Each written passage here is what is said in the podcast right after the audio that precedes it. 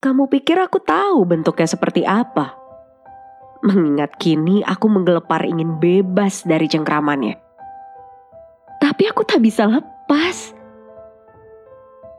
Terseret jauh ke dalam rongga hitam yang menghisap raga dan jiwaku secara paksa. Lebih kelam dari mimpi burukmu. Lebih merah dari kucuran darahmu. Kamu takkan mengerti. Tak ada orang yang mau mengerti. Sudah, jangan dengarkan celotehanku ini.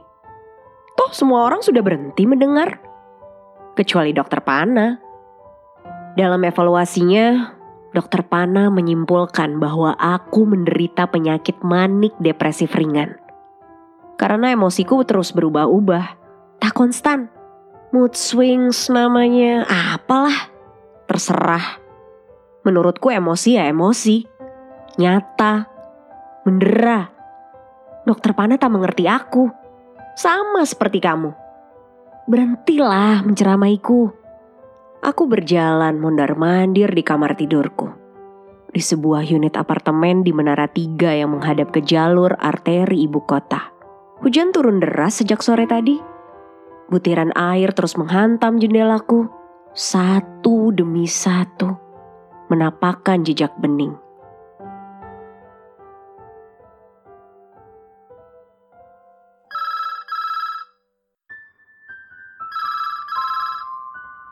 Ibu berkali-kali menelepon, berusaha menenangkanku. Takut aku melakukan sesuatu yang tak diinginkan, sesuatu yang bodoh, tergesa-gesa, ceroboh. Beliau bercerita kepadaku perihal lelucon yang didengarnya di pasar minggu lalu. Agar aku tergelak, lupa sesaat. Tapi aku tak pernah tertawa jika beliau berusaha membuatku terkekeh. Leluconnya membosankan, sudah ku dengar sebelumnya. Tak ada yang lucu di dunia ini. Habis sudah tawa yang dulu terpendam dalam dada. Kering, tak bersisa. Kamu takkan mau tahu. Aku lelah menjelaskan semua ini. Aku mencoba duduk, tapi tak bisa. Aku harus terus bergerak. Saat ku angkat gagang telepon, jemariku bergetar ku tatap jajaran tombol numerik yang ada di pesawat telepon. Lima jam telah berlalu sejak terakhir aku menghubunginya. Dia pasti sudah pulang ke rumah sekarang. Halo. Nah, itu dia. Shh. Halo? Ku tekan tombol flash. Kamu dengar suaranya barusan? Dia menyapaku. Terus terang, aku tak perlu banyak sapaan ringan atau desah napasnya saja sudah cukup. Kini dunia tampak lebih baik, stabil. Gambaran wajahnya memenuhi kepalaku, meninggalkan tapak-tapak hasrat dalam tubuhku. Dan dengan girang, ku sambut kebahagiaan ini. Telingaku tak mencurangiku. Namanya kemarau. Seperti nama musim, dia adalah wanita tercantik yang pernah hadir dalam hidupku. Matanya berwarna hitam kecoklatan, dan saat dia tertawa, matanya menari menggodaku. Kemarau paling senang menghabiskan waktunya di sebuah villa milik keluarganya di Sukabumi, di mana dia bisa menunggang kuda dan berenang di danau tenang. Aku masih ingat, dia suka rasa buah ceri yang masih setengah matang. Gemar memetiknya langsung dari pohon tanpa dicuci terlebih dahulu. Katanya, sebisa mungkin dia ingin menceraikan diri dari kehidupan di kota besar dan kembali ke alam natural. Di Sukabumi, ia punya kebiasaan bangun jam 5 pagi dan pergi berjalan kaki menyusuri perkebunan. Dia ingin sendiri. Apa kamu masih mencintainya? Tanya dokter Pana di salah satu sesi pertemuan kami. Tubuhnya yang tambun bersandar pada punggung kursi yang dilapisi bahan kulit. Kakinya bertumpu di sudut meja yang tersusun oleh kayu mahoni. Kedua tangannya terekat dalam posisi berdoa di atas perutnya yang buncit.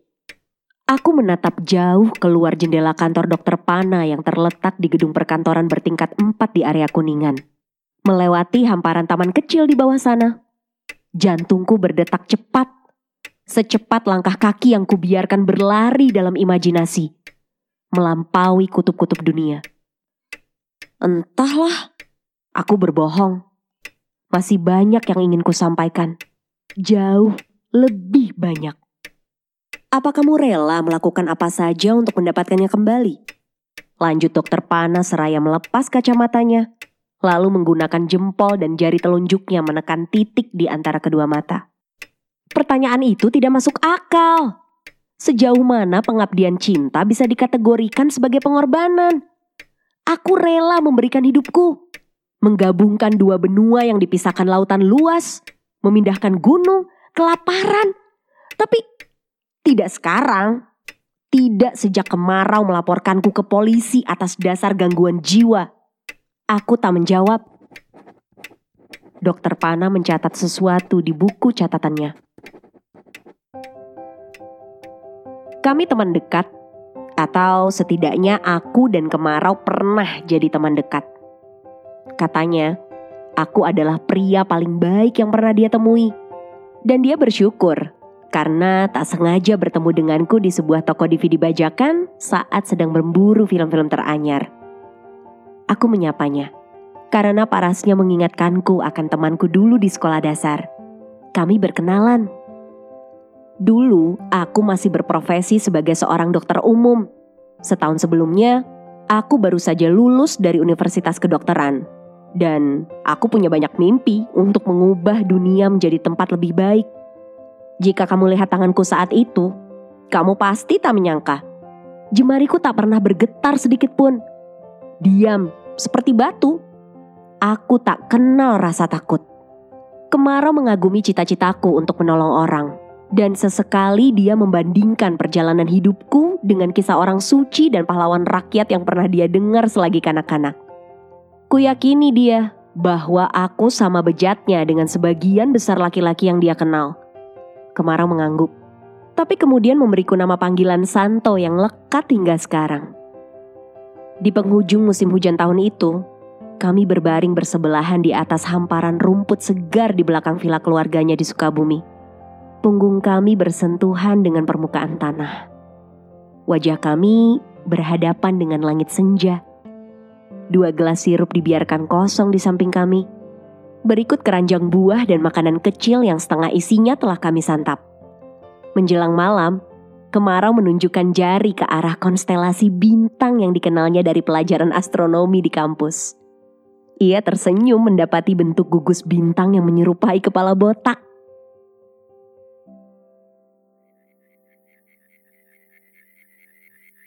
Pamanku, Om Lingus, bisiknya sambil tertawa. Rambutnya tak pernah tumbuh lagi sejak ia berusia dua tahun. Sesuatu dalam tubuhku bereaksi mendengar suaranya. Aku menoleh ke arahnya. Kemarau terdiam bisu. Ku pegang tangannya. Lalu aku berguling menyamping hingga tubuhku berada di atasnya. Wajahnya mendadak dipenuhi teror, berubah merah. Berat tubuhku menghimpit gejolak yang tumbuh di dada. Persahabatan kami berubah menjadi sesuatu yang lain, berbeda. Langit jadi saksi. Aku baru makan bawang putih tadi. Akunya malu. Kemarau berusia 20 tahun dan setiap inci dari tubuhnya memancarkan cahaya hidup yang tak pernah redup. Aneh rasanya mendapati wajah kemarau memerah karena malu. Mulutku bau.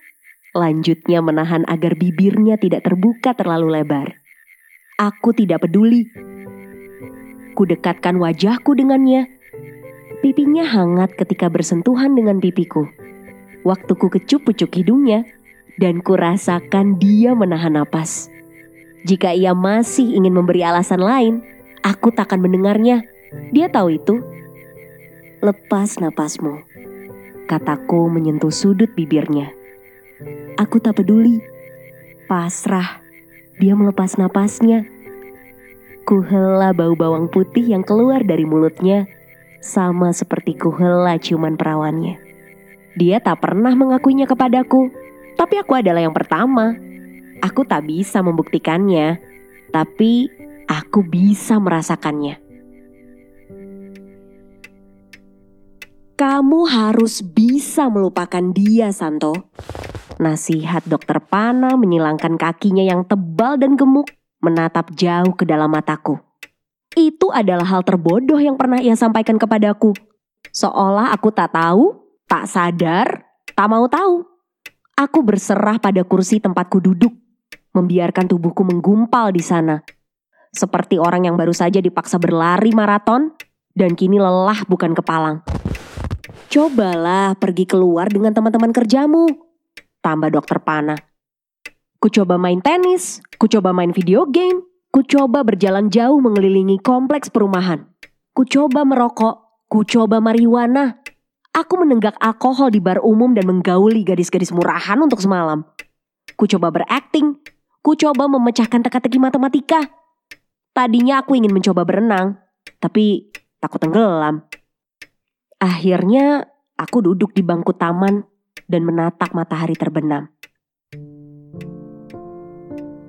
Saat ini lewat pukul 2 pagi dan mataku tak mau terpejam. Jika kesunyian bisa membunuh, dalam waktu dekat aku pasti sudah mati. Hampa ruangan dengan cepat digantikan oleh gumaman bernada tinggi yang datang dari setiap sudut. Mengepungku, membuat bulu kuduku berdiri. Kudengar napasku berburu mencari bayang-bayang masa lalu, mengembara di alam gelap dan terpuruk berpapasan dengan sesal. Hari esok adalah satu-satunya harapanku. Matahari akan bersinar lagi. Aku akan hidup sehari lagi. Ini bentuk yang kulihat dari tempatku berbaring. Sebuah bola besar berpijar terang membawa petaka. Terjatuh dari kegelapan di atas sana.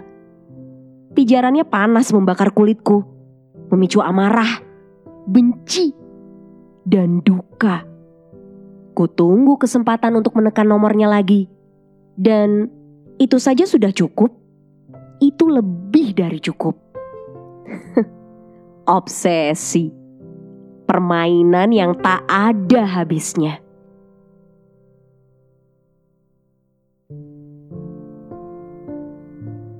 Halo teman-teman, Terima kasih sudah mendengarkan cerpen Obsesi. Cerpen ini ditulis oleh Mbak Magi Tio Jakin. Jadi beliau ini penulis dan juga bekerja di storytelling agency saat ini. Nah, cerpen obsesi ini aku nemuin waktu itu di dalam buku kumpulan cerpen yang ditulis olehnya. Judul bukunya itu Balada Cing Cing. Mbak Magi ini juga pernah bikin beberapa cerpen audio loh. Kamu bisa dengerin di fixilotus.com namanya. Tapi sayangnya sih sekarang memang belum diupdate lagi cerpen audionya. Mungkin lagi sibuk kali ya. Kamu bisa colek-colek juga kalau suka dengan cerpennya. Siapa tahu beliau mau update lagi kan? Oh iya, yang narasiin cerpen ini adalah seorang voice over talent andal banget nih. Namanya Andina. Sesungguhnya ya, aku nggak tahu sih nama panjangnya Andina siapa. Cuman biasanya aku manggil dia Andin. Jadi kami kenal gara-gara waktu itu ada satu kerjaan, terus suaranya dia bagus banget. Pembawaannya juga oke. Dan pas ku tawarin, mau nggak coba ngisi cerpen di podcast Main Mata? Ternyata dia mau. Senang banget, karena aku emang suka banget sama suaranya Andin. Kamu bisa cek Instagramnya dia di I am Andina, I A M A N D Y N A. Di situ dia juga naruh ada tautan untuk kamu dengerin suara-suara dia yang lain. Jadi, kalau kamu suka dengan cerpennya dan juga dengan pembacaannya, kami dari podcast Main Mata akan berterima kasih sekali jika kamu mau merekomendasikan bab ini atau podcast Main Mata secara keseluruhan ke teman-teman kamu yang suka baca buku dan juga suka dengerin cerpen audio. Caranya bisa dengan klik tombol follow di Spotify Podcast Main Mata lalu share bab ini ke media sosialmu. Mau di Twitter, Instagram, Facebook, apa aja. Kalau mau kasih saran atau masukan juga boleh, bisa mention atau DM di postingan yang berhubungan dengan bab ini. Kalau di Instagram bisa ke @potluckpodcast atau @patricia.wulandari. Kalau di Twitter bisa di @podcastpotluck atau di @patipatigulipat. Jangan lupa juga untuk dukung jaringan Potluck dengan subscribe di YouTube dan platform podcast lainnya. Untuk informasi lengkap seputar episode terbaru yang akan tayang dari channel-channel podcast yang ada, follow jaringan Potluck di Instagram @potluckpodcast. Sampai jumpa lagi. Dadah.